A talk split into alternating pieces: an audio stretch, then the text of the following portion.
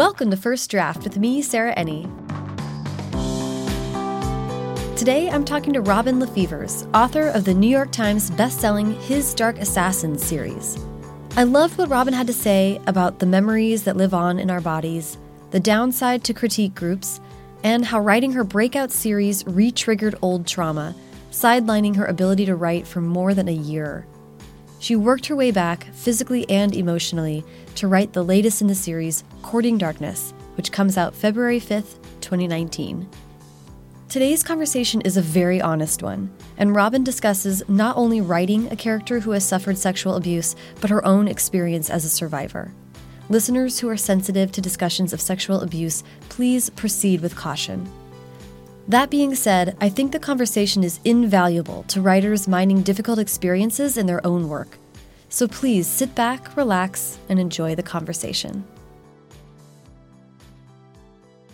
Okay, so hi Robin, how are you? I am good, thank you. I'm so uh, excited we could sit down and chat. And I'm so excited that we have a new book of yours to talk about. I've been a fan of yours for many, many years. Um, so this is really thrilling. Thank you. Yay! So uh, we're going to start at the very beginning uh, which is some of the bio stuff. So I would love to start with where you were born and raised. I was born in the Silver Lake area. Really? Yeah. Awesome. Of Los Angeles. Grew up on Micheltorena Street. Um, my family um, was very involved in the Los Angeles community. And so, yeah, we grew up on this big old house on Micheltorena Avenue cool. in Los Angeles. Um, Fun. Did you move around at all? Have you lived outside of LA? We moved to Carpinteria when I was like 11. Oh, okay, okay. So you've been a little bit north of the, of the city for... For a while, yeah. I, I just grew up there till about 11, 12, and then we came up here. Cool. That's awesome. And what about in your young life? How was reading and writing a part of growing up for you? Wow. Um, you know, I was thinking about this because I, I was listening to some of your other podcasts, and I was trying to think when was the first time I told stories, and it was actually before I could even write. And I, one of the, my most vivid memories I have is like being sick with a cold, and sitting in my bed and having my crayons and drawing paper dolls.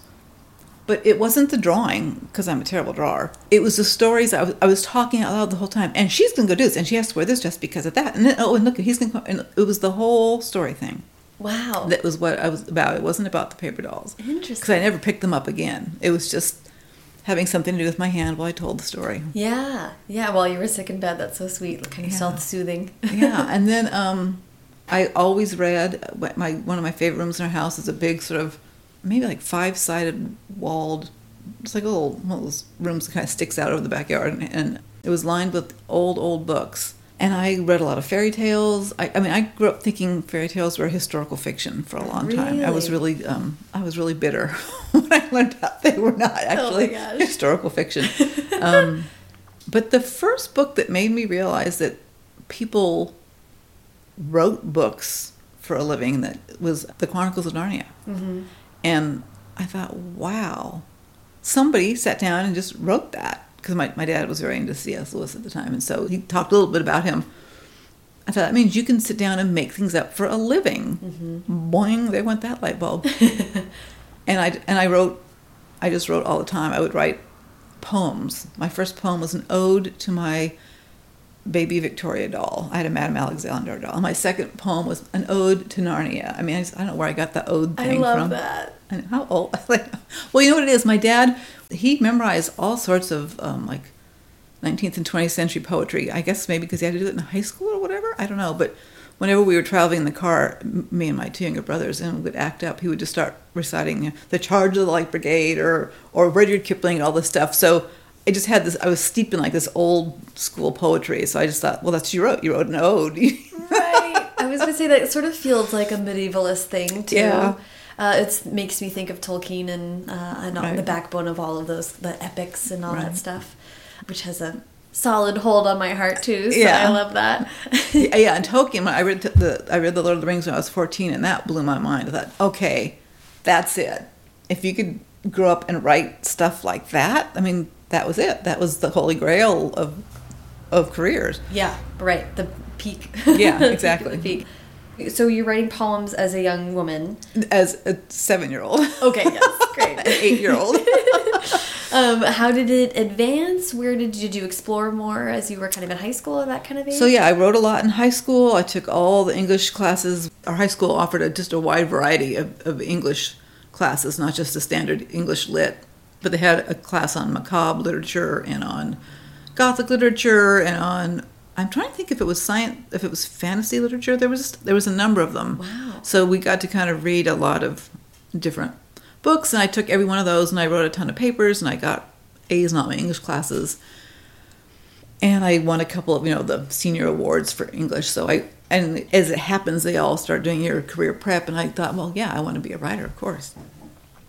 And then of course it's time to discuss that with your parents, and I told them, and they were like, no, you can't be a writer. I mean, you're very good at it, sweetheart, but you're much too sensitive and you will cry the first time you get a rejection. I just can't see you being competitive enough to go up against all the writers. And there's no financial security and, and it'd just be too tough a road for you to hoe. So we think it's a bad idea for you. And if you will notice, all of my books have a central theme of personal power, and that's probably why, because I said, oh, okay. Mm-hmm. Even the school counselors weren't particularly um, supportive of that, which is surprising because I believe they would be more supportive now. This is just a different time. So I said, okay. And my dad was paying for college, and I went to a white Christian college for a year, which I loathed, and dropped out of college after a year of that. Really? Said, not, not doing this. And just started fumbling around in life. And I, I kind of think of, I'm one of those people that's had so many, just such a hodgepodge of jobs looking for the right job. And, and looking back, they were all just experience for writing. You know, right. just at the time I didn't see what they were building to, but looking back now, it's pretty clear. Yeah, I mean that's that's so disheartening to hear that you were discouraged at an early age. But there is something I think when people are delayed from coming around to writing, they do then accumulate just life experience. Right, and I think that's really important. And I think I know there's a lot of amazing writers who write amazing books at, in their early twenties, and I kind of think it depends on what your emotional landscape is. Mm. I had a very dysfunctional childhood, and I was fairly disassociated from it. So I mm. don't. It would. I don't think it would have been effective as a writer. Um, right. In fact, someone someone get, had this great quote, and they thought it was from Edith Wharton, and neither one of us have been able to remember it verbatim or exactly to who it attributes. It was attributed to, but the quote goes something like, "For people who have lived through trauma as children or you know, a dysfunctional family."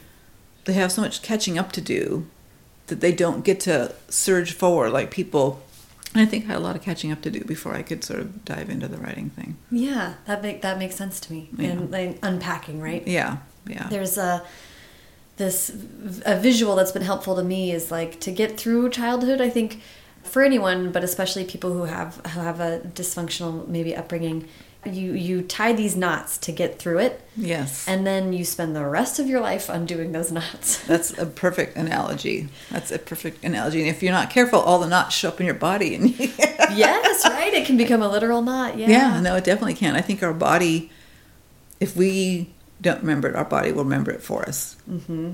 and, and stage an intervention Yes, everyone get massages. yeah, no, seriously. Yeah, that's really important. Yeah. So. Um, well, I mean, and that kind of answers my question, but but you did have a quote that I read that that you said all the well-meaning adults talked me out of writing. It was just too hard, too much competition, too much rejection, and I was wondering if you, when you look back at that moment of being discouraged, do you understand it, or do you still feel frustrated by it? Understand it from their standpoint. Yeah, I guess where it was coming from. I or... think I think they were trying to protect me. I think I was an extraordinarily sensitive child. Huh, was. um, and I absolutely understand where they were coming from. I think they were dead wrong. Mm. I think I, I, think what happens with parents, and something I have tried to avoid as a parent, is we get overly invested in our kids' not safety because that sounds like I want them to go out and be dangerous and do dangerous things, but we default to safety for them, and safety isn't always the most conducive environment for growing. Mm-hmm. Mm-hmm. So obviously, you want them to be physically safe and you want them to be emotionally safe, but there have to be risks involved to live a life for leading. And my parents didn't really get that. So, for example, one of my sons at one point in time was interested in joining the Marines. He'd finished college. It's like, well, why didn't you decide that beforehand? Yeah, wow. a scholarship.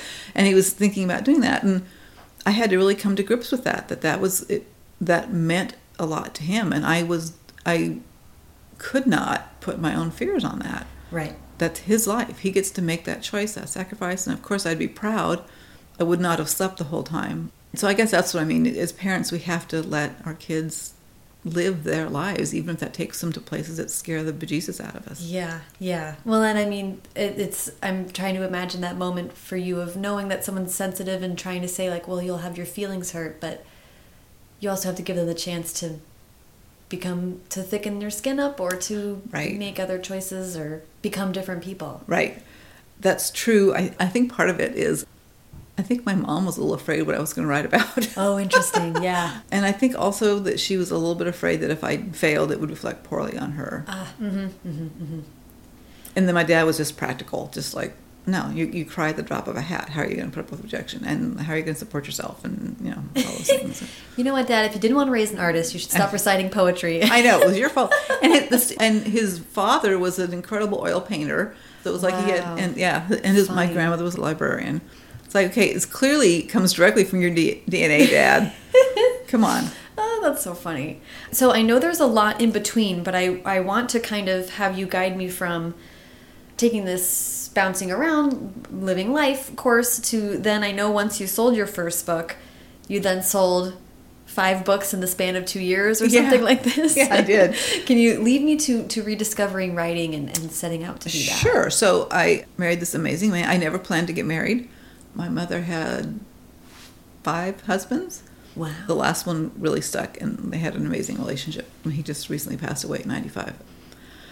But they had not met each other at that point yet, so I was thinking, okay, there's no way marriage is for me. And then I found somebody who was amazing, and we had two kids of our own, and I was, I, we decided staying at home was going to be well. In, in those days, women made so little money unless you had an actual professional career. You were working to pay for childcare. Mm-hmm.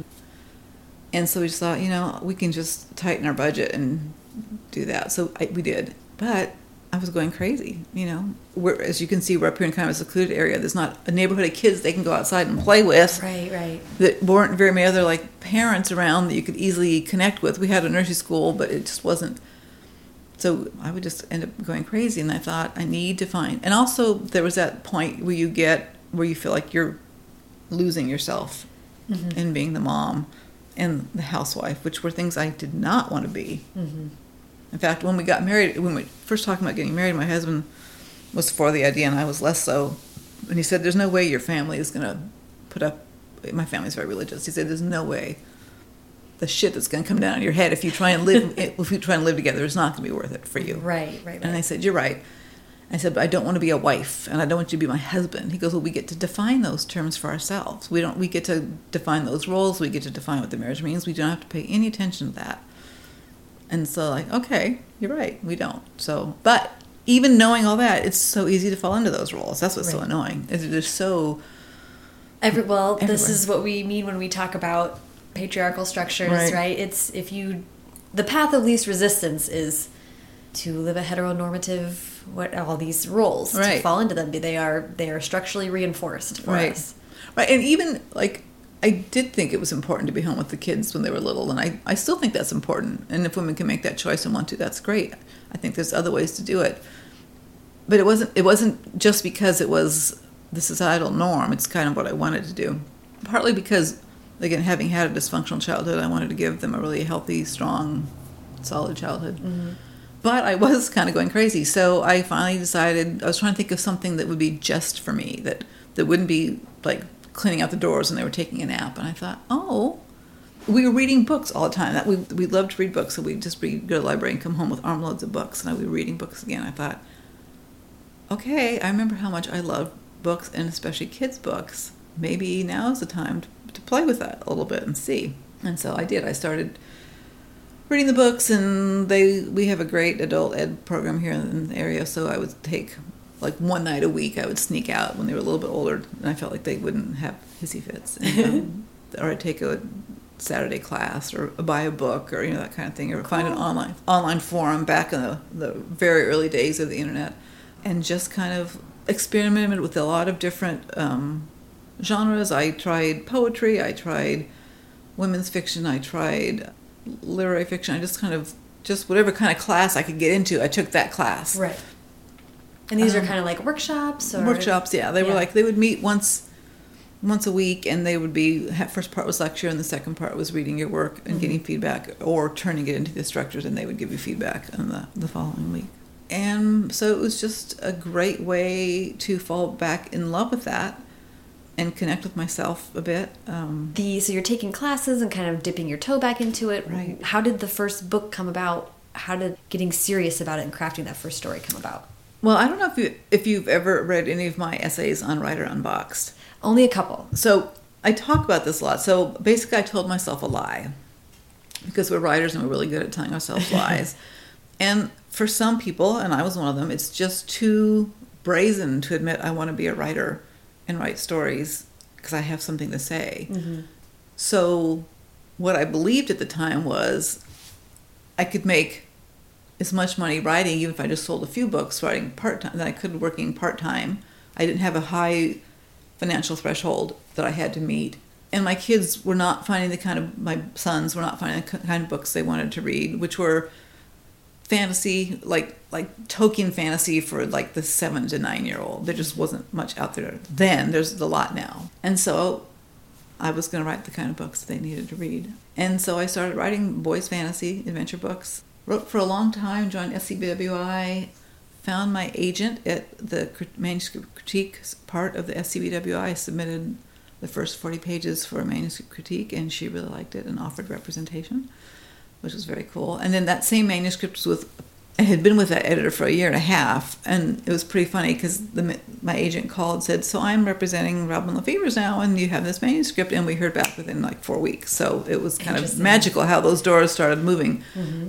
But I'm not even going to tell you the titles of my first five books because they're kind of embarrassingly bad. I remember hearing a really well published author once say, "Trust me, everyone who gives you rejection is doing you a favor because you you don't want your bad books published." I'm thinking, oh, easy for you to say. You've had, you know, 15 books published, so easy for you to say. But now I'm thinking, boy, was she right.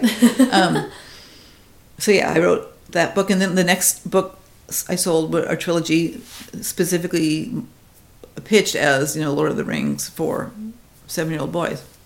And that was to meet those deadlines. I had to quit my little part-time job that I was doing, which was great because I was kind of tired of it. um, and was that series the Nathaniel no, this was an even older one called the the Forging of the Blade. Oh yeah, right. And as I was working on the trilogy, let's see, my editor was training a new editor, so I was getting double edited. Oh, okay. And I'm going to preface this by saying there's so many different editorial styles out there, and some it's a lot like a marriage, and some styles will work great for you, and some styles won't. And this person was a little not very able to articulate what she wanted. Just kind of a let's rearrange the furniture and see if that looks any better. Oh, it doesn't. Okay, let's put it back. And that I can't do that. You've seen my you saw my my outlines and my grids and my no. I need to know where I'm going. I need a map. And so I was getting really really frustrated. And the books hadn't done well, and they hadn't given any promotion, and I knew I was going nowhere on that track. So, only being able to control my writing, I thought, okay, fine. I'll write these stupid books on contract. I have to, and that's my job now. But on the weekends, I will let myself have this new fun just for me project. It was supposed to be just for me, but the, because I guess I always have a practical eye on the back of my head, I was thinking, so what hasn't been done to death already? So you know, there's been wizards and dragons, and now the magical schools of the Harry Potter. What what magical thing was fascinating to you that you haven't seen done? And I landed on Egyptian Egyptology because I think that's so fascinating. So then I just started playing with this. Didn't tell my agent. Just it was like my my secret affair book. And then finally, when we wrapped up all my books for Dutton, she said, "Well, what are you going to work on now?" I said, "Well, I actually am just finishing up something." And she loved it. She thought it was the strongest work I'd done so far. And I was like, "Okay, cool. Then yes, I have this." I think with, with this book, she'd been to seven or eight editors, and my agent and I talked, and she goes, "We're not really getting consistent enough feedback to right. say this is the direction we have to go in." She said, "What do you want to do?" And I thought about it, and I said, "You know what? I wrote this story just because I wanted to write the story. I wanted it. This is the story I wanted to write. If we can't sell it, that's fine. We'll put it back in the drawer because this. I want this pure thing that I made to stay what it is. Mm-hmm. And then we sold it to the next person. Amazing. the universe spoke. Yeah. Um, but that was so. That was such a big step for me to say, yeah, they could be right. That's fine, but I'm really happy with this. So I want this to stay this. And yes, I will have wasted all those weekends, and I don't know what I'll do next. But so I did. And, yeah, trusting yeah. your instinct too. Yeah. Um, yeah. So Houghton Mifflin bought that. It was the first book I worked on with my current editor, my still editor, Kate O'Sullivan, um, and she loved it as it was and helped me shape it, make it better. And as it, you know, having to change publishers and having a poor sales record, we kind of had to go backwards a little bit, mm-hmm. contract wise. But I didn't care. You know, it was like whatever, start over. And I guess that's the thing. One of the things I would love to be able to tell, especially debut novelists today, because there's such a sense that you live or die on this first book. And that's just not ever true. And even if it's true, you can always change your name. I mean, it's just, right. if you want to write, there will always be a way. Right. There will always be a way. And, and you can always get better. And so, yeah, so we, we, we took a, a step backwards on the contract on that. And I, didn't, I was fine with that. Yeah. Because um, it was a book I wanted to write the way I wanted to write it and somebody who, who got that. And I was, I was fine with that and middle grade doesn't have quite the salary range that YA does. And I was thinking, okay, I'm not gonna. This, this isn't gonna be my my full time writing ticket. So two things happened. One, I decided to write another series. I came up with the idea for the Nathaniel Flood Beastologist book. But also somewhere in there, I took a writing class on voice, which is a really hard thing to teach. And what was great about this class, it was kind of about finding your voice because it, it's easy to have it become distorted by perceived market input or bad editorial input or one of the worst transgressors is i think can be critique groups and while they can be incredibly great they can also be notoriously about workshopping a book to death and, and like overworked Pido. It's, it's nothing. Got nothing there. Mm-hmm. In fact, when I was, I also, I was also a member of RWA for, I still am actually, and they would have editors and agents who would say, we can tell when a book has been critiqued. It has a critique group because all the flavor, all the originality, all the syntax, all that stuff just gets stripped away. Stripped away. Um, yeah. So I thought That's that was so interesting. interesting. Isn't that interesting? So yeah. it's it's such a fine line between getting good feedback that helps your story be the best story it can be, and not having critiquers change it into how they would write the story. Mm-hmm. It's just it's and that's a really that's just experience, I think, which is a, is a hard level of experience. Yeah, I was gonna say because writing writing critique groups are so useful as a new writer, right. but often it's a group of new writers sort right. of spreading their misinformation amongst each other. that's that's actually frighteningly true. Yes. Yeah. Or sometimes if you get a few more experienced writers in there, it's them rewriting your book, how they would do it. Mm-hmm. So it, it's really hard. So anyway, I, I took this voice class and it was online class for six weeks and it was just great. And it it what it taught us, and I actually use this now in all my um, whenever I start a new book she would have us do timed writings and she would pick sort of very specific things from our childhood. And the point of a timed writing is you turn off the internal editor, editor you know you've only got 20 minutes and you just go and you just go straight to the subconscious. Mm. And so like write for 20 minutes about the house you grew up in when you were 7. Mm. And it's kind of astounding the details that come pouring out. Right. Or write about a book you loved when you were 12 years old and so it was a series of these things and as a group i think that we, we were in it was an online class and we were in groups of like eight and we would read each other's things and it was so clear. We all had such distinct voices and it was mm-hmm. you before posting the names you could tell whose that was. And the more exercises we did the more that became apparent. And then um, she had another really interesting exercise where she where she had two people write about the same photo and just how different stories mm-hmm. came out of that same photo. That's also so cool to even think about, like you and your friends could do if you have a writing group. I've done, we've done that. I've actually done the writing shop for my writing group. I've actually done it for a couple people online. It's, it's actually, I was one of these days. I would love to find an online teaching platform because I this class is so transformative. I've done it at a couple workshops that I've mm-hmm. done, like for SCBWI regional things, but it's it's part therapy, it's part it's part mm-hmm. craft. But towards the end of the workshop, one of the questions she asks is, if you could only write one book for the rest of your life, what book would that be? What what would it have in it? What would it entail? Describe that book. And I did. And I wrote, started writing about it. It would be long, and it would be set in the Middle Ages, and it would have, you know, kingdoms and lives hanging in the balance, and have anguishing choices and hard decisions, and flirt with tragedy, but not quite, and just sort of this big sweeping epic. I had this such a sense of this emotional tone I wanted this book to have. And then, of course, her next question is, well, why aren't you writing that? And I thought, well, because I can't. I don't have the writing chops to write that kind of book. God, forget, are you kidding?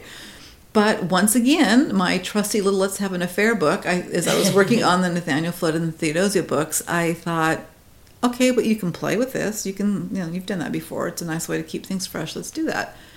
And so I did. I started playing with this book. And boy, do I mean playing. I started, I didn't know if it was going to be an adult romance. I didn't know if it was going to be adult fantasy. Played with third person. I mean, I just, I, I did 17 drafts, the first seven of which weren't complete drafts. They were just me experimenting with different ways the story could be told. I did the research into the world. So I knew it wanted to be Middle Ages, but I didn't know when.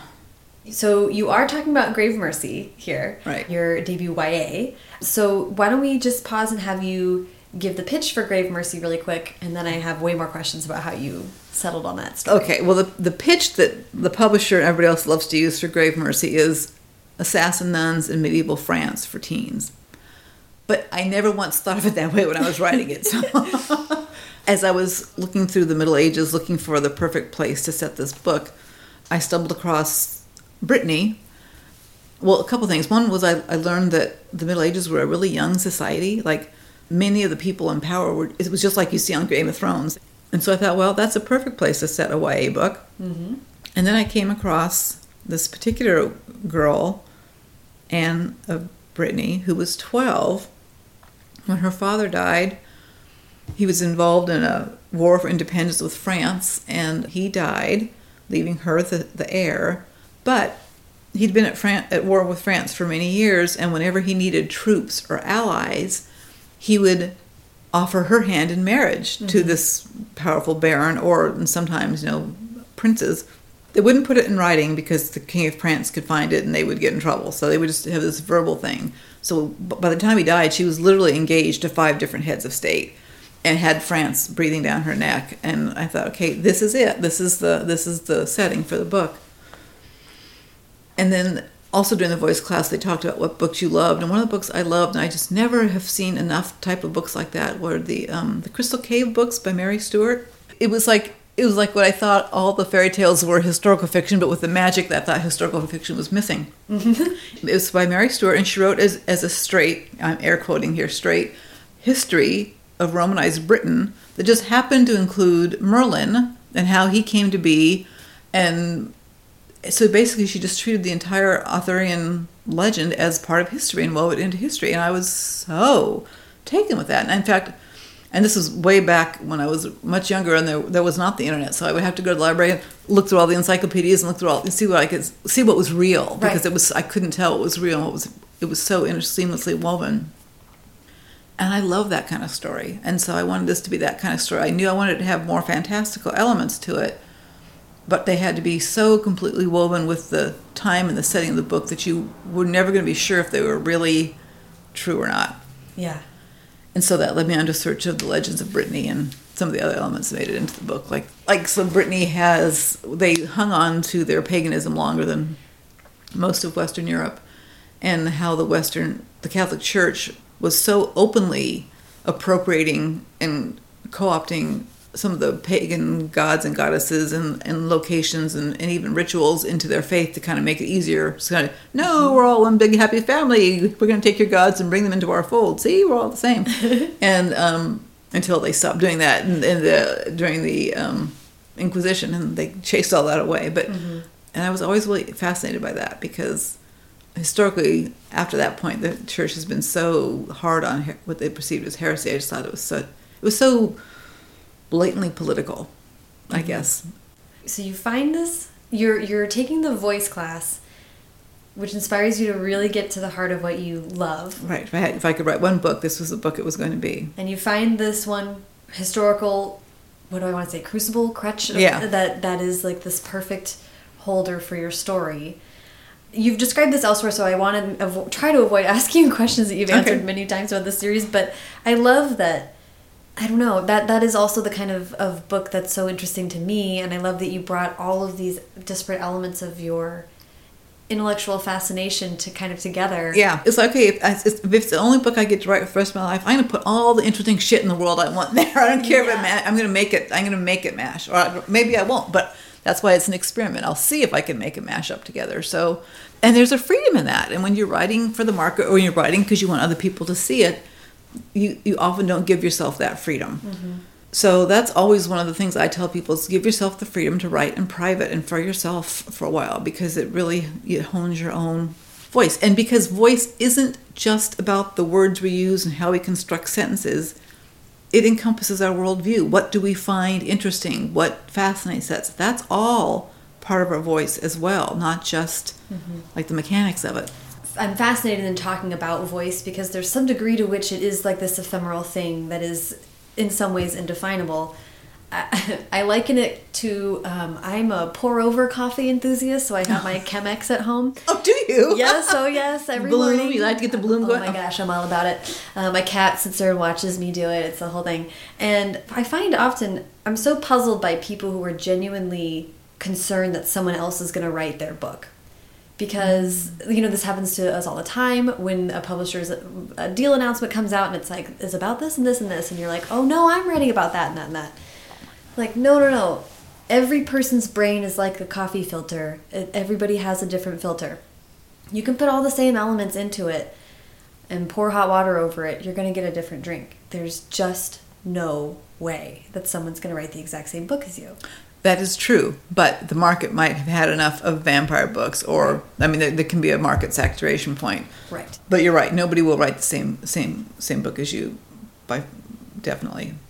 One of the teachers said a great way to describe voice was this: our voice is our potato. Mm-hmm. We're, we're, a voice is a potato, but as an author, we can make French fries, mashed potatoes, scalloped potatoes, baked potatoes, you know hash browns. Mm-hmm. It's all the same potato. It's just in different forms. And that boy, that was that really helped kind of break that open for me because I was I was convinced I had no voice because I was writing 10 year old Nathaniel Flood and I was writing cheeky 11 year old Theodosia and now I was writing this anguished assassin nun in medieval France. Like, so where's my voice? And um, so that was really helpful to me. And also, so I think of voice as being our worldview whether we think the world is a hopeful place or a dark place, whether the world's been kind to us or unkind, whether what we've come to expect from the world, what we hope to expect from the world, whether we're optimistic or pessimistic, um, our social economic backgrounds, what kind of advantages we've had, and our fears. I think our fears are a big part of it, and and the ways we've had to contort ourselves to get by in the world, our emotional wounds and scars that, or the scar tissue that has built up, that's kind of shaped us, and that's all part of our voice. And that's not even that's before we've said a single word down, because that's in how we view things. And it kind of ties in because I get asked a lot, like how do you how do you know how much to research for historical books? And the answer I always give is I do enough research that I can understand someone who lived in that time's worldview. Mm-hmm what what were their points of references? What were their fears? What did the, the, medieval mind fear that we don't even think about fearing now? That kind of thing. And and and and so that's the first step for me to getting any character's voice is to kind of recreate that. That and then the second step of voice is. You know, are you telling a joke to a friend, or are you talking about death with someone you love, or are you just like flirting with someone you love. I mean we have even within our voices we have many voices. Mm-hmm. And and so which choice of our voice, how we feel about something, say violence or injustice is always going to be the same. But how we talk about it is going to change whether we're talking to an inquisitive 11-year-old or a terrified 4-year-old or a combative 40-year-old so it just right audience and tone tone and and what we think they can hear writing and talking is all about connecting mm-hmm. and if you if you're wanting to connect, then it's about presenting things in a way that they can hear, mm-hmm. which is why you don't write why you write so differently for a seven year old than you would do for a twelve year old. Yeah, I, I I love that, and that kind of leads me to asking about how how you decided on young adult because it does line up age wise with a lot of the people you were interested in telling stories about in that right. time period. But you are also, I hope this isn't off base, but I feel when I read the Grave Mercy series that there's a lot of influence of adult romance and historical fantasy. And I mean, there's a lot of different right. elements that could be applicable to in a number of age ranges. So I'm wondering how that came, that decision came about. How I finally, and and I have seen a few. I, I don't actually read Goodreads reviews anymore, but once upon a time, before I knew better, I did. And I, I mm-hmm. saw a couple people say, "Well, she's not YA at all. She's in 17. You were an adult in the Middle Ages." And first of all, that's not true, because we now know that it's what makes us adolescent is our brain chemistry. Some of our parts of our brain don't even mature until we're 25. 25. Just because you were expected to behave in an adult manner does not mean that you were an adult. It means you had more pressures as a 17 year old. But more than that, it was the theme. And the whole story about Ismae is having to decide if she's going to accept the world as those who raised her say it was, or whether she's going to step away and start making her own decisions about those things. And that felt that's a very YA theme to me. Yeah. Um, and so that's ultimately what decided. It's about it's about stepping away from our family, whether it's a biological family or a convent or and and taking the first step in the world and realizing, oh, okay, they told me this much, but the world is much bigger than their philosophy accounted for, and there's so many things that it doesn't address. What do I do? And some people fall back on that philosophy and double down and just think if anything does not come out of that can't be answered by that is unanswerable or not worth talking about. And other people kind of open themselves to the world and and take it on. So that's kind of that's why I decided it was YA. Yeah, yeah which I think is yeah the a lot of identity forming right? Right and stuff right. like that. So so pivotal to that time. Exactly. And and and it, yes it does have some romance influence in in it. But I also see a lot of unhealthy romance relationships in YA and I just wanted to show one that I felt was healthy. Mm-hmm. now I know some people feel like well everybody's always complaining. I mean it was intended to be healthy. Um, he opens up her world and supports her in a way that and I don't think that some some people think there's a power imbalance because he's older. But she's a freaking assassin, you know. That I feel like that kind of weighs that out. Um, yeah, she could murder him at any time. Yeah, and he knows it, yeah. and he and he's fine with that. He trusts her, mm-hmm. and he believes in her, and he sees her as a legitimate. What's the opposite of ally? Gosh, well, enemy. Yeah, foe. Potential foe. Yeah, which is actually a huge measure of respect. Yeah, I was gonna say in the three books to date, and I'm reading the fourth now. The the love interests always take the women seriously. Always. And that's always. like not always a baseline. No. So anyway, so uh, I just really wanted to write that kind of relationship. There, there hadn't been very many of them in YA at that point, and I mm-hmm. was. Um, I just I've never been enamored of the bad boy. I know that it's a big trope, and there have been certain bad boys I love to read about, but I didn't read about them when I was 12 and 13. Yeah, right, right, right. And so I just think there should be a, a, balance of relationships that readers are reading about. Yeah, which I, I love. So one thing about the voice, I will say, so the problem, I, I did not have Ismae's voice. Mm. So I'm writing this big historical drama. There's all these historical players, and there's they all have such vivid lives, and they're all such like vivid personalities and she was supposed to be the quiet assassin sneaking around in the back. And so yeah she kept getting lost. I could not find her voice. I tried third person. I tried first person. I was like ah it wasn't working. So in frustration i thought well i'm going to okay before i write this next scene i'm going to journal. And what i'm going to do is i'm going to climb into her skin and i'm going to write in first person present so i can just know exactly what she's thinking and then i'll see if i can't bring that up more in the next scene. So i started writing as I step into the room, I see Duval, blah, blah, blah. And the minute, the minute I started writing first person present, it unlocked her voice and it just like it was there. And i would never have chosen to write a book in first person present ever but that was the only thing that would unlock that voice for mm-hmm. her um, and that's also very ya is this yeah that's not why i did it. It was just because that was the only way she didn't get lost. It was right. it was just too easy for her to get lost. And then and then she could i think a real critical function of first person is when the person's internal landscape is almost a character unto itself, and hers definitely was, and it just wasn't being able to get out any other way. Yeah. So anyway, so that was the last piece about the voice. Yeah, which I love, and that was like several drafts in, right? Several drafts. oh, and rewriting from past tense to present tense is not just a matter of you basically have to rewrite every sentence. It's yeah. not just a. Oh yeah. It's not just a yeah. Changes the structure of scenes. I mean, it's everything. Yeah. Yeah. it was a big one. So what, one thing that struck me is that the His Dark Assassins series, uh, Grave Mercy, and the, and the books that follow, you by writing it in your spare time and keeping it sort of like a secret and building it with this patience and time you really built this very rich world that is inhabited by many many could be many many more books and it's striking to me that you got the chance to, to do that because you were doing it on your own time mm -hmm. and you were not under the pressure of get this book back to us in a year or something like that right.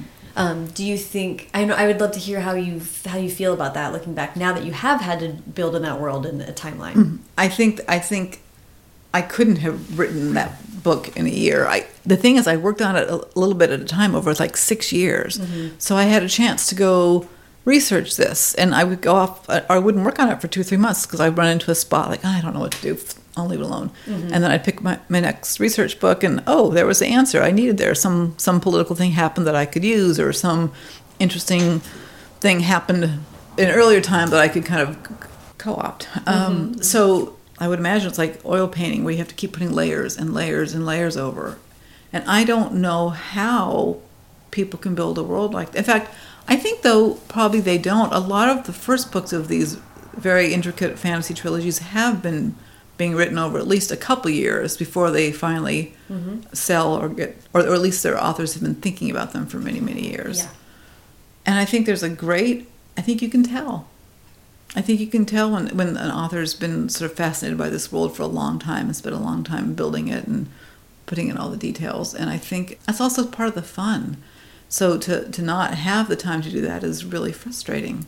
The standout series, right? To yeah. me, I think are yeah. And and I've talked spoken to a couple writers lately where the book, the special book, the book that becomes really is the kind of their breakout book they do a lot of thinking, researching, and then and then the book itself will be, be written in like a month or something. Oh, but oh, wow. it's like this period of like five years where they're toying, interviewing, researching. Really? just kind of like like okay well i'm jealous of that because that's never happened for me i'm um, i'm still the queen of multiple drafts i don't think i've ever written a book in less than like nine drafts mm -hmm. even on deadline which is a bitch. like, that's what I really wish I had one of those lovely three draft processes, but I don't. And I've always, I I do have a couple other. Um, I don't know if they're trilogies or whatever they'll be, but, but other story worlds I would like to write stories in, and I know that when I do that, won't be a year after I finish the last Assassin book because it's going to need more time to. Yeah.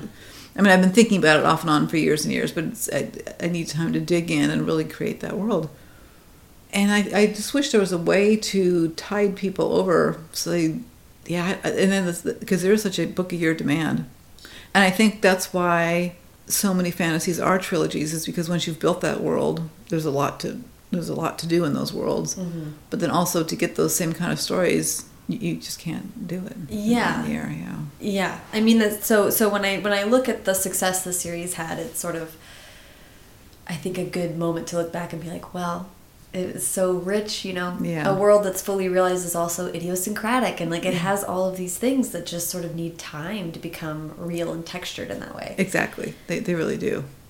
So, I want to ask about uh, well, I first I do want to ask a little bit more about about the world, just the, that evolving uh, Mortain death mm. as a character. I, um, I'm thinking of it looping back to what you're talking about paganism and and Catholicism mm. sort of coexisting at some time. Right. Uh, merrily coexisting to some extent.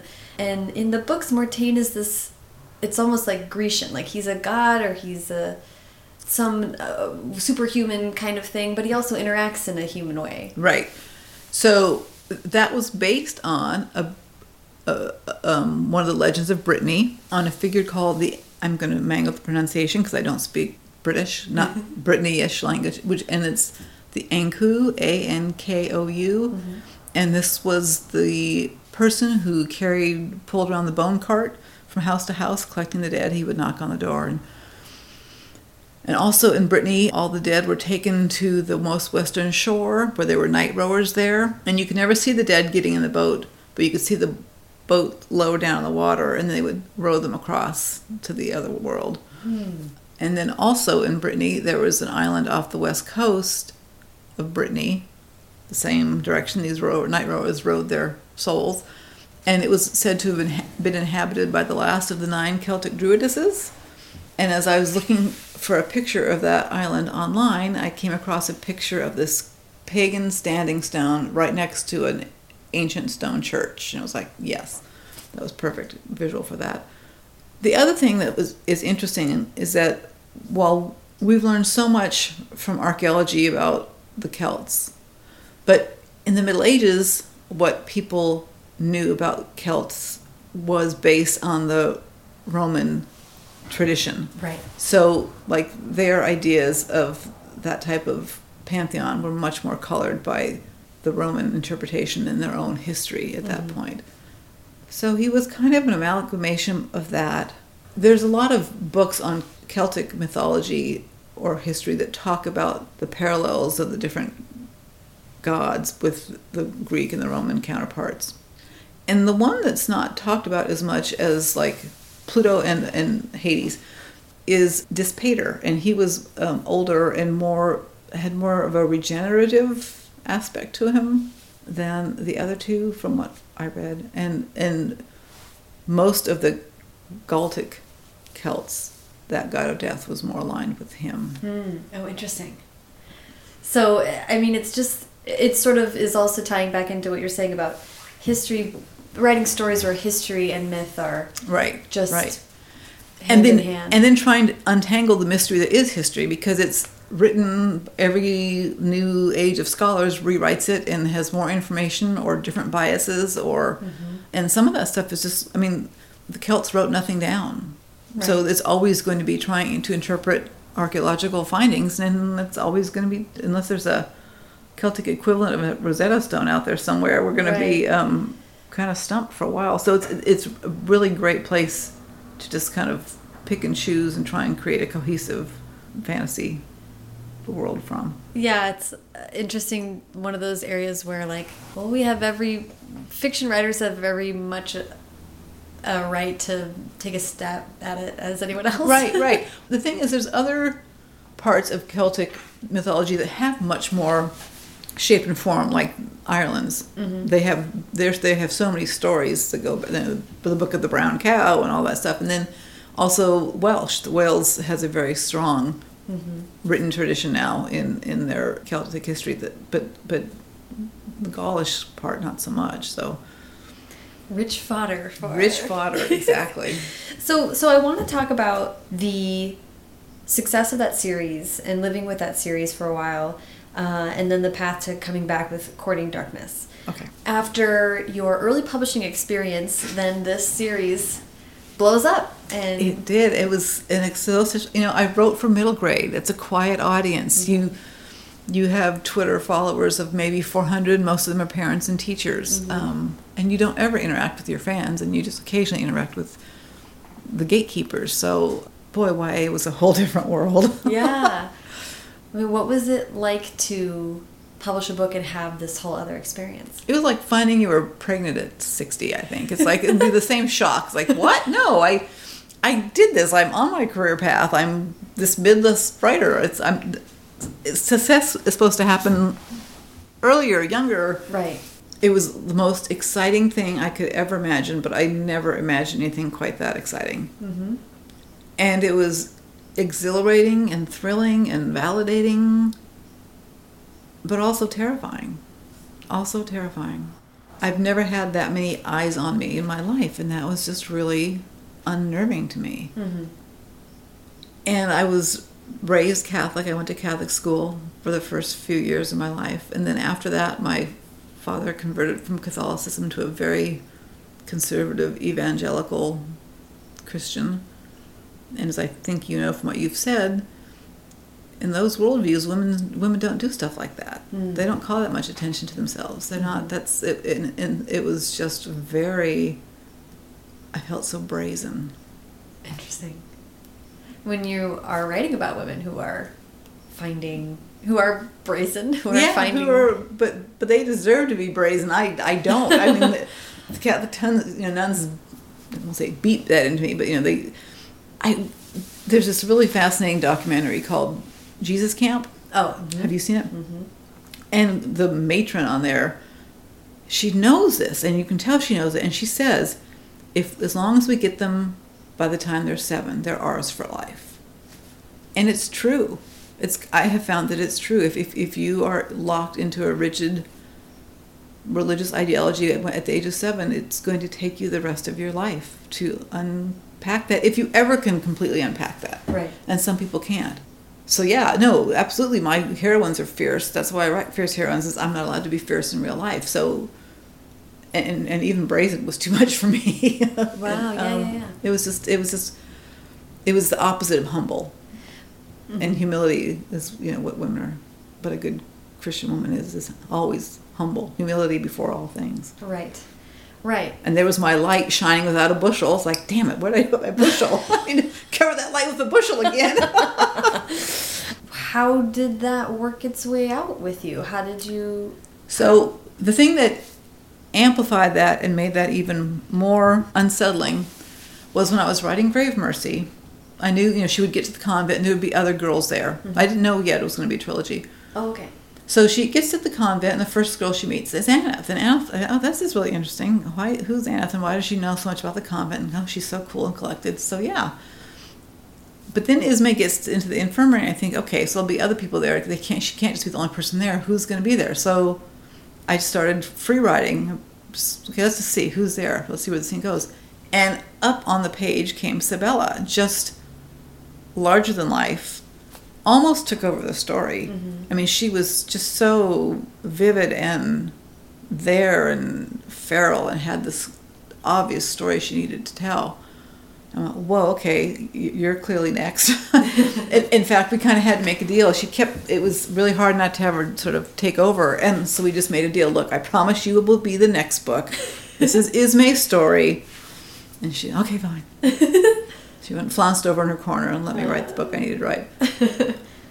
but so I had to create a background that was going to explain who she was and explained why she was the way she was. And this is where we kind of go back to voice and how it's it, it's different pieces of ourselves. Mm-hmm. And as I told you, I was raised in a household that had very conservative values, and shame was always a really big part of that. And I knew shame like the back of my hand, and I knew that's what she felt from what had happened to her. And so because I always feel if you're going to write a character, especially somebody with any kind of trauma, you have to write the truth. You can't skate over it. You have to dive into it. Otherwise, it's just melodrama and and almost um, like being a tourist in their lives. And that's not quite. And I don't mean that every writer has to have experienced what their characters experienced, but certainly to be respectful of it. So I tried to find the areas where I felt I knew Sibella's emotional landscape best. And mm-hmm. to my surprise, there were far more many points of connection than I had even begun to suspect when I started writing her, including sexual abuse, although mine was nothing like hers. And that colored everything. And I didn't even, I mean, it's something I knew about, I talked about, I thought about, and then I complied, just kind of tucked it in the back. It, it happened in the past, it was a long time ago, blah, blah, blah, blah. Never even realizing how much it had shaped my life until I had to write Sibella. And so having to be back in her head and back with that hypervigilance and back and living, so, stepping so fully into the shame that she was experiencing, it just kind of cracked me right open in a way I wasn't expecting but then the book was done and it was getting star reviews and it was time to go out and, and, and go touring for it. So there was no time, no time. And now, yes, you're anxious, but here, have a pill, go take care of it. You, my doctor was very sweet. You can't miss this chance. I was, I thought I was gonna have to. I was so anxious. I thought I have to cancel my tour. She said, "No, no, no, no. Here, we'll give you some stuff, sleepy stuff. You can, you'll do it." And I did, and it was great. I met a lot of great readers, and it was so great to get out and see the reception of the book and how many people responded to her and the letters I got from people who had also experienced abuse saying, "Oh my gosh, I so saw myself in this book and the way you wrote that and the way she felt." So that that was all great. And then I came home and it was time to write Mortal Heart. And I was still pretty anxious, but I had a big deadline and just it went on and on. And, and so basically it, it tipped me over in a way that I didn't expect it to. It kind of made me have to stop and kind of I don't, I don't even know what word to use. But clearly, you know, disassociation had been serving me really well for many, many years. Right. And then it wasn't. Donald Maass, who writes, is also a monthly contributor over on Writer Unboxed. We did this. We did a book together. The whole Writer Unboxed community did, and there was a dialogue in the book. And one of the things he said, and it stuck with me so, so because it's so true. He said, "Often the journey the writer wants to take the character on isn't the journey the character is going to take the writer on. Meaning, the books we set out to write thinking we're going to take the character on a particular journey have nothing to do with the character's journey and all about the writer's journey. Mm. And I guess looking back, I have to assume that Sibella was like that. Well, the fact that she. She just sprang so wholly onto the page. And demanded to be dealt and, with. Yeah and like okay now that's obvious but at the time it wasn't it was like oh cool because you your imagination sends up freebies sometimes and right. you're just kind of like okay yes this is going to be interesting and then the deeper i got in there was like oh yeah um, so yeah so that was that was interesting and um and hard yeah i mean i'm interested in how this in whether or not writing her story and first of all by writing her story, embodying that, but also empowering her and giving her, you know, the beast is like this great, great that character. Was, yeah, and writing her book, it was so it was such a long dark slog. But every time Beast came on the page, it was like the sun came out from behind the sun's mm-hmm. uh, clouds. It was like I couldn't wait to get to a Beast scene to give her Beast. It was it was like yeah, it was very empowering and healing in that way. And he's so vivid too. You know, he's he's very vivid. Yeah he also sprung onto the page kind of like that, oddly enough. And I was, okay, you know, Duval would have some companions. Who would they be? Mm, I'll be this guy. Very, very active subconscious that year. well, I, am in, I'm interested in how this clearly, like, very personal, therapeutic. You know, when we say therapy, we don't always mean good feelings, right? You know. So let me. It was not therapeutic at the time. Basically, not realizing it I pretty much triggered old trauma and I just didn't realize it. Mm-hmm. And I didn't realize it until after I'd finished writing Mortal Heart. Mm-hmm. And I was still shaking. And it was like, okay, the, the book's done. I've gone on tour. I, things should be fine now. And they weren't. Um, and I was losing weight and I was still not sleeping. And I just had to go. I realized, okay, this I got tipped over here somehow. And so I had to go look for look for help. Yeah. I would guess this is an experience that other writers have and may not even realize that there are ah, some people may be in the middle of it. So I'm interested in anything you want to share about how you approached coping with it, or did you take time off writing, or how did you find a way back? So the thing is, because I'm so good at disassociating, I didn't even know this was going on. I what, what happened was, and this had happened as I was writing Mortal Heart, I was getting more and more ergonomic issues my upper back was killing me. My neck was killing me. I was like in pain writing all of Mortal Heart.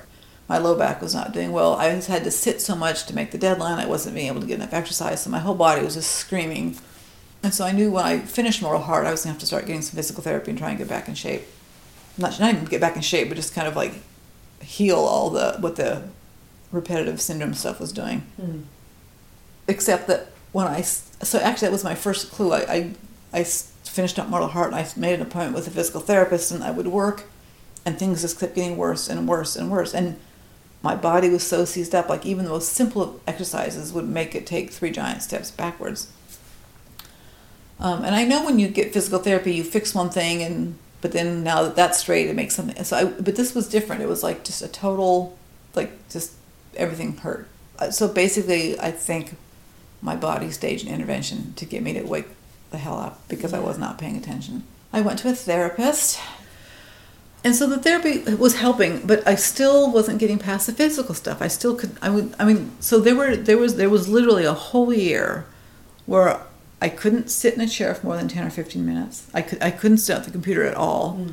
Um, I couldn't even I couldn't like lay propped up on pillows because it hurt my neck too much. Oh. I couldn't read because I you can't hold a book straight over your head. I was like my body was just locked in this, and I and I could walk small like this, that row road you saw outside. I would walk up and down that road like 15 times a day, like three times, go walk five times, just just to keep moving because it was the only movement I could do, and I could sometimes make dinner. I was astounded at the complete impasse my body and my brain had reached. When you are looking back on this now, and this is not to imply that you are done with that process to whatever extent we can ever be done with the psychological process.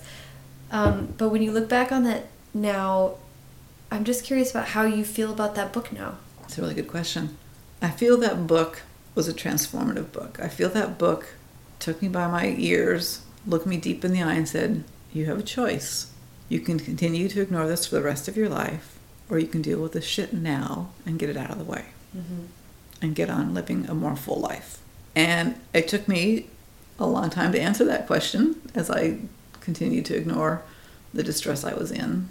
But ultimately, I said, okay, fine, let's do this. And we did. And I, I do feel that I have, I wouldn't be talking about it if I didn't feel like I'd kind of come through on the other end because I, it, I need to know the ending before I can tell a story. And I didn't want to tell a story where I was left floundering in that unhappy place.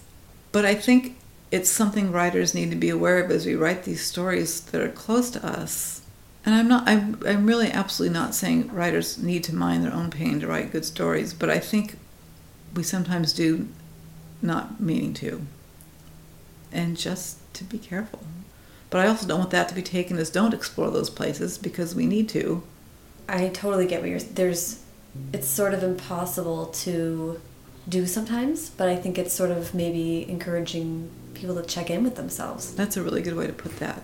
That's a really good way to put that or if you're going to be writing a book like that that you know that's going to be bumping up but again i was so disassociated it never occurred to me never occurred to me this is going to be an issue. So disassociation for the win i guess i don't know um, but you know i think i think there's a lot of us like that. I think there's a lot so when we're in our 20s and our 30s even if we've had trauma in our childhood we want to get on with our life. We want to get we do not want to sit and linger in that trauma. We do not want to sit and examine all that stuff. We want to achieve stuff. We're, we're free finally. We want to go, the trajectory of our lives is in front of us. We want to get going, going, going, going.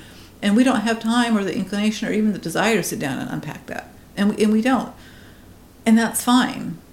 Life will usually hand you an opportunity where you need to. You, you will either come to a place where you need to do that or you won't. Mm-hmm. I mean, not everybody does. Mm-hmm. The, the type of life they live or the type of books they write just doesn't demand that of them. Yeah, well, yeah, exactly. I mean, I think that when you are in a life like this, where we are fully occupying the caves of our minds and yeah. trying to project that outwards, then yeah, you get you find what you find back there. Yeah, yeah, and and the thing that is the most important to me about books that I write for teens is that I tell the truth.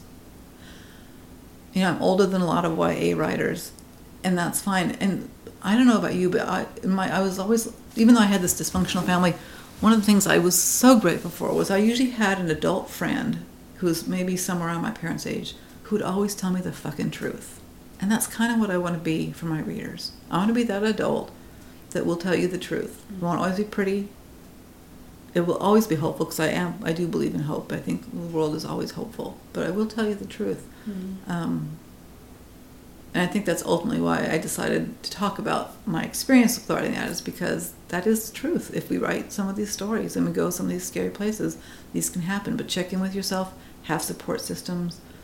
My mom, when she finished reading Mortal Heart, she said, I promise you you'll never write another book again unless you have a therapist standing there on, by, on standby. I said, oh, that obvious, mom? She goes, well, no, but to me. Aww. Okay, yeah. That's very sweet. yeah, it was funny. Well, I, I appreciate you talking about it. I think it is really important. And I think there's a lot um, of people who will listen to this and hear something they need to hear, which is right. huge. Well, uh, you know, there are more and more authors that talk about their anxiety, but it's a very generalized anxiety, and a lot of it is brought on by publishing because it it, it really is an anxiety generating industry. Yes. But also just the act of writing can writing stories that are deep and meaningful to you can do that. So mm-hmm. just be careful. Yeah. Well, and the other reason I wanted to to hear about how you think about it now is because Sybella wasn't done yet. well, that's it. As I'm lying on my bed, healing from having written that first book of hers that nearly killed me, her voice starts whispering in my ear. So, what are you going to do? Aren't you bored? Like, yeah, I'm bored. Get out of my life so I can heal and get over being bored. She goes, well, maybe we're not done yet. I said, oh, fuck. And but as I got thinking about it, it was it was right. You know, her book book ended pretty abruptly with them just barely getting out, and then we only see her through through the others' eyes as they're doing completing their big thing of getting the Duchess crowned. And I realized her story was only stopped halfway. Mm-hmm.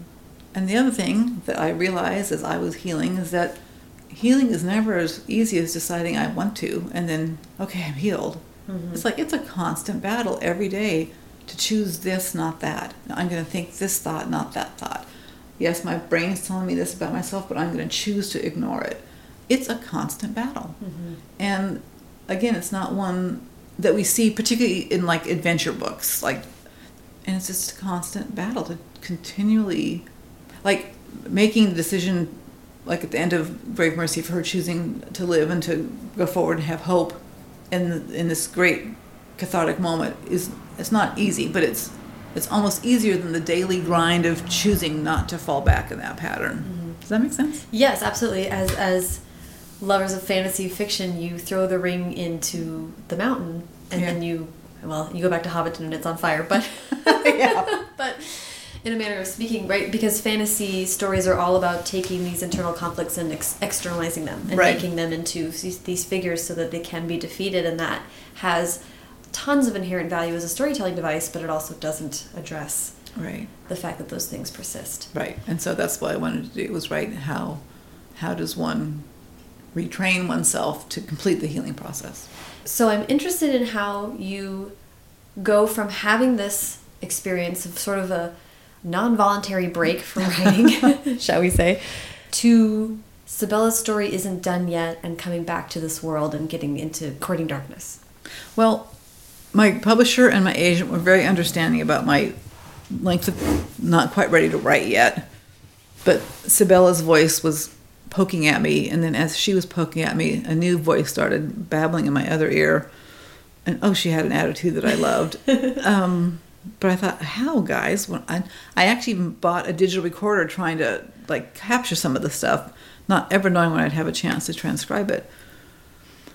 But also around that time, I found some new physical therapists that used a little, some maybe non-traditional methods. And I found a, she recommended an amazing acupuncturist. And then there was a third component, which was a chiropractor who uses a non-directional force technique. So it didn't freak my body out as mm. badly. Mm. So I started seeing all three of those rotating and was finally able to make progress on the physical pain front and found myself being able to sit longer and longer periods of time. And then I got strong enough that I could take a it wasn't a Pilates class. It was a like pre pre Pilates class where I could sort of remember I had a core and mm-hmm. how to mm-hmm. use it and mm-hmm. how to mm-hmm. engage it and stuff. And so that was kind of a six month period where I finally made a fair amount of progress going forward and was start, able to start sitting and able to start. And so then I said to my agent, so I am ready to write. And I actually you know, Sybella's been talking, and my agent got very excited. And she says there are so many fans who would love to have more books, and I'm sure the publisher would be happy to have a book. So I said, "Well, you think so?" and she said, "Yeah, write a write a page or two. Let me know what you're thinking." So I did, and she was right. The publisher was very excited, and so we went to contract. Probably, a, well, I was still only able to write for a little bit at a time. Mm-hmm. I probably was over optimistic about how long I could sit. I was also over optimistic about how I was thinking, oh, I've written in this world before. Hmm. I don't have to do that much more world building. Da da da. Well, that was kind of wrong because I, I significantly changed the world in book 3 mm-hmm. And they were moving to France, which was a whole different world, and there was all sorts of like philosophical questions about the changes I had done in book three and how that was going to change things going forward. And then because I decided to do a dual narrative, I was basically writing two books at the same time. It's like, really, Robin, this is the project you took on after your your you know forced creative hiatus. You're going to do this. So um, I was really scrambling there to kind of. The first draft came in at 200,000 words. Yeah, I was going to say I read online that you had quite was, a draft. It was quite a draft, yes. Um, and like you're saying, it is two books. it is two books, yeah. But there was no way to break it up. Like my, my agent said, well, could you make it a trilogy? And there, there was no, it was duology shaped. There was no place to, to just cut, you can't just cut a book off somewhere. So anyway, so I would write for an hour a day. I what I did a lot was I have one of those little old school AlphaSmarts. Mm-hmm. So I would sit on my couch, which was the most comfortable chair, and write for an hour a day, and I could just sort of translate it. And sometimes I would write by hand, but that was hard because it was hard on my neck because then to have to see and transpose it. And then my son came up with the most brilliant idea. I would write by hand and I would scan it in so I could have both pages up on the yeah yeah and yeah. and so it helps to have in the family. Yeah. And so slowly I just got to where I could write more and more. I invested in a new chair and some different ergonomics and and then never went back to writing eight hours a day. And I, I never will be able to go back to that. Mm-hmm. I just I, my body's not ever going to be able to. Well, I should never say never, but not without some seriously more physical training that I've had now. Right, right. Um, I mean, I'm so struck by this, you know, the shape of this personal story to go along with sort of Sybella's story. She sort of brought brought you into some depths and then brought you back out. Right. She did, and I want to be clear that Sybella's story isn't my story. Right. But I had to mine a similar swamp mm -hmm. to in order to write her truthfully. And I think that's one of the things that fascinates me about writing. And I, again, when I write my essays for Writer Unboxed, when I talk at workshops, the thing I keep stressing is that writing isn't just about having something to sell for publication.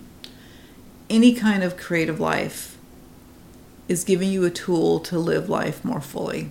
I set off to write on the most banal of reasons to have better part I because I, I, only needed a part-time income and I was going to write books that my kids weren't finding on the shelves. The most non-vision driven reasons you can think of, and yet that was the excuse I needed to take the first step. And with each book I wrote, I got closer and closer and closer to my own truth. And so to me, it's clear that my creativity, my muse, was leading me on this journey. And I think that's like the, true value that any creative pursuit has is it helps us understand life in general, our own selves. We look at our own interior landscape, and sometimes we find things that surprise us. And sometimes we find things that surprise us because the creative life led us there. But the other amazing thing is the creative life will also lead us back out. And so I guess I would want writers to know that is that yes, sometimes with publishing you can end up having being anxious over your publishing career or your writing can lead you into a dark place depressive wise because of not having the kind of success you want or it can send you into a darker place for a like a triggering situation but but creativity is also the path that will lead you out of it yeah that's amazing not easy not easy but sort of um but nothing that's worth doing is easy yeah. if it's easy worth i mean for me that's always been the case the harder it is the more oh wow so I have to weave two POVs together. How am I going to do this? I mean, I, I never take the easy path ever. It's like no, you do not seem to set yourself up for the. I don't. It's like that's boring to me. So yeah. Well, thank you so much for sharing. That's like a very personal, really important and moving story. Yes. So, um, well, hopefully, only three people listen to your podcast. I can't promise anything, but uh, sure. I mean, it's just the two of us right now, so there, there you go. Um, yeah, that's just that's that's that's almost unfair. That's so misleading because you have this great report. It's like, oh, I'm just talking to Sarah. I'm like, oh my god, no, I'm talking to the world. You're giving away my secrets, Robin. Don't tell anyone. There are some sort of basic questions about courting darkness that I, sure. that I want to get to as well, and then I'll wrap up with advice, and, okay. and then we'll I promise to chat again. The so courting darkness, as you mentioned they're going to France. There's two points of views. There's even something of like a mystery kind yeah. of element to it. And then I'm not done asking you about adult romance just because mm. the reason that adult romance is so on my mind right now is that a lot of my friends are turning to it right now because oh. it's so stressful to be oh. in the oh. world at this moment and those books can be so rich and such a safe place and they've been such a safe place right. for women for so long and uh, I always recommend your books to my friends who read romance and oh, say like oh this lovely, might be a way you. into YA for you because this uh, takes many of the same elements of those stories and, and uh, repurposes them kind of for a YA audience I think so I'm, I'm curious and then there's like gothic stuff I mean there's a lot of puzzle pieces that you're putting together yeah. in the new duology how much are you conscious of that or is that just well, the romance element is just because I too love romance books. There's I don't read very broadly in the genre anymore and I have a few select authors who really speak to me, so but there's nothing as satisfying to me as a great romance. So for these books, they've always been involved with the romance. I'm trying to think well, part of it is because with Ismae, it was the romance that opened her world, mm-hmm. and part of that's cause is what happened with my husband when we first got married. He did not come from a closed religious background, and it just he opened my world in so many ways. And just my stepfather, who passed away recently, once said one of the most important decisions we can make as an adult is who we marry, and I have found that to be actually true because the right partner will support you, will help you open your world, will help you. It's like a great critique partner, will help you write the best version of you that you want right. to be. And um, so I guess that's partly why there's always a romance in my book. And then Sybella needed that for healing, but also love is what make everything worthwhile. I mean, that's in in life, even if it's not romance, it the love of family, the love of friends, the love of country. It's love is our humans' greatest asset or gift or whatever you want to call it. Resource. Resource. And that's the brass ring that we're all aiming for. Mm-hmm. and so i guess that's why i put it in there. I think it's and it's fun to write. I was going to say it's also it's so fun. fun. to read it's really fun to write. it's really readable fun to write. and engaging and yeah. And i just like people being in love. I like it's i like the the caring and especially I think especially because I do write kind of dark stories it, it, needs that to counterweight that yeah. Yeah there's a lot of yeah. these are they're nun assassins. They're, right. they're they are dealing with some dark stuff. Right right and, and they are it's also part of what, humanizing right? These characters who are like killing people. Right right. Humanizing them but also they live in a world that is riddled with misogyny and tyranny. And gosh they need some bright spots. Yeah, right. Well, I just I love that, and it does, like I said, makes it as if saying non-assassin isn't enough yeah. to sell people on the series. I do to a lot of people who read romance. I'm like, oh no, I have the the gateway drug for well, you. Thank you. it's wonderful. Thank you. I think let's wrap up. Let's do advice, okay. and then we will continue this conversation another time. But you've given so much great advice already. But I'd love to just hear maybe even for people who are embarking on these big world building mm. types of stories or historical approaching books that uh, that need that kind of investment. So I'm three things I'm thinking. One is is give yourself time.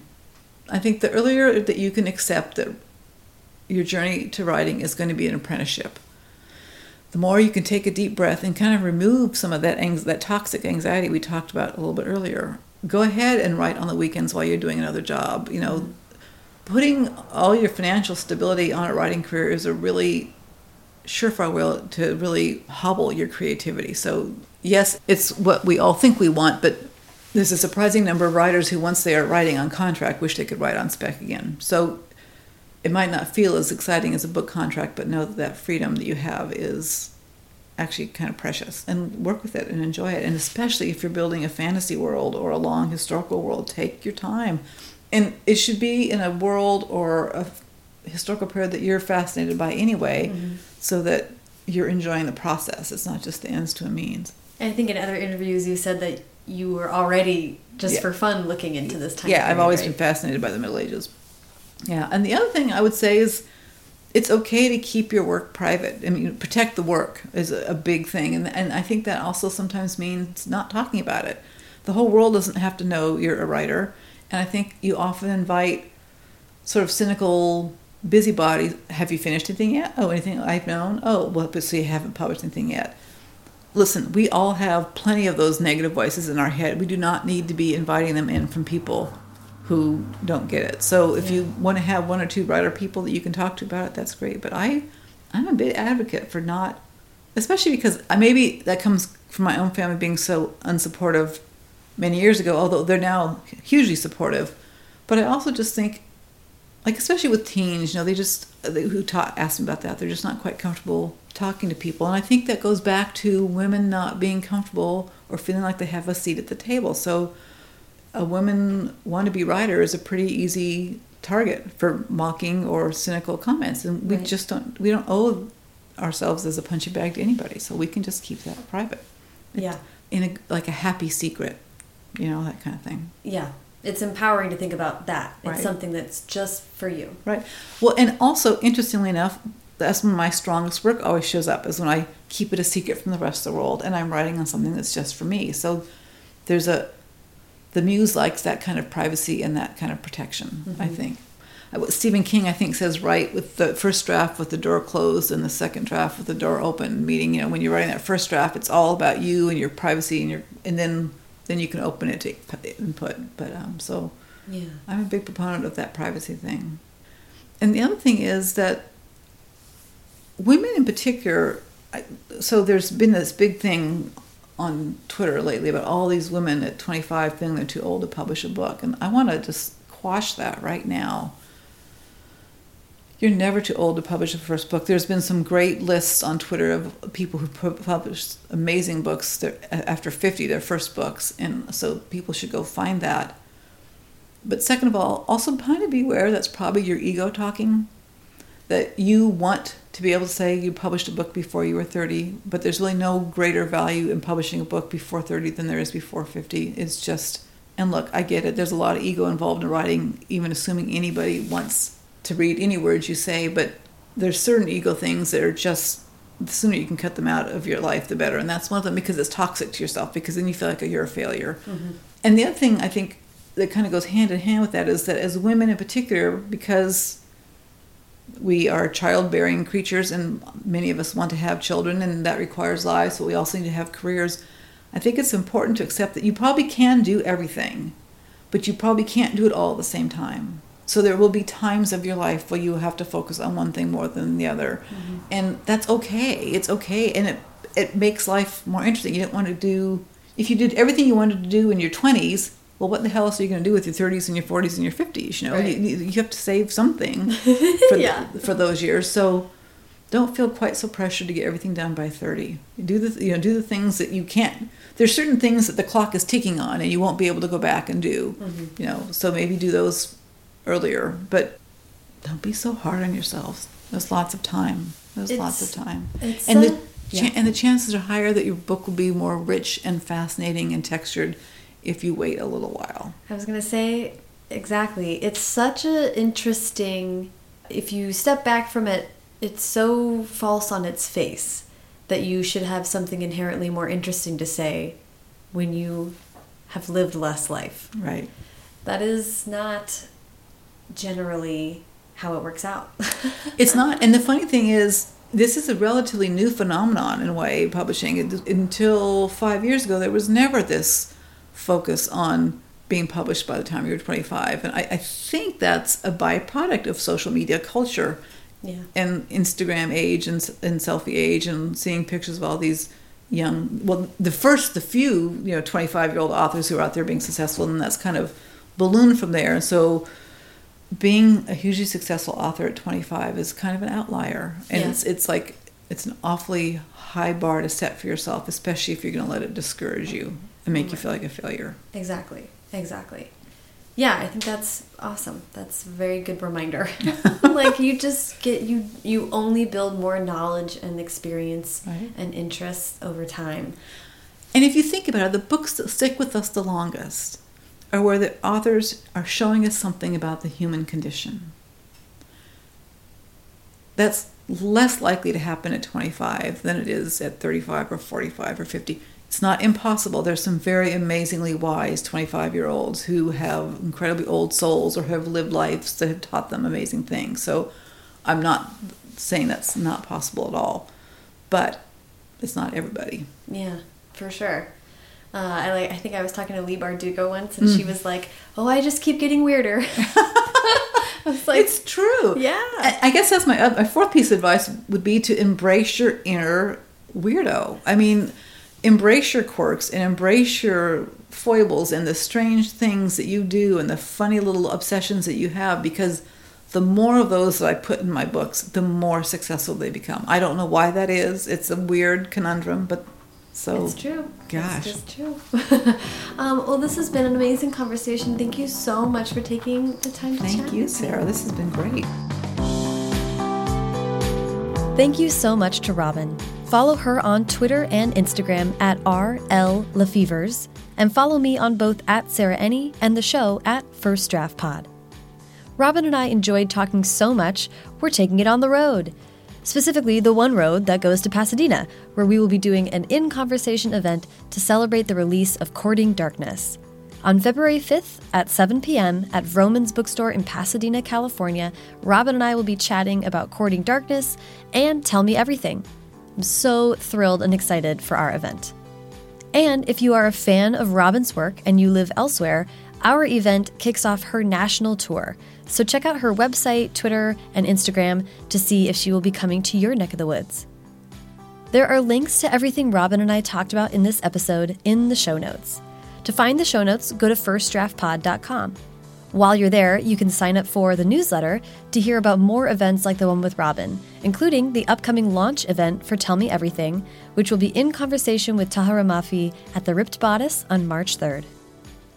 Haley Hirschman produced this episode. The theme music is by Dan Bailey, and the logo was designed by Colin Keith. Thanks to super intern Carter Elwood and transcriptionist at large Julie Anderson. And as ever, an ode to you, history altering political intriguers, for listening.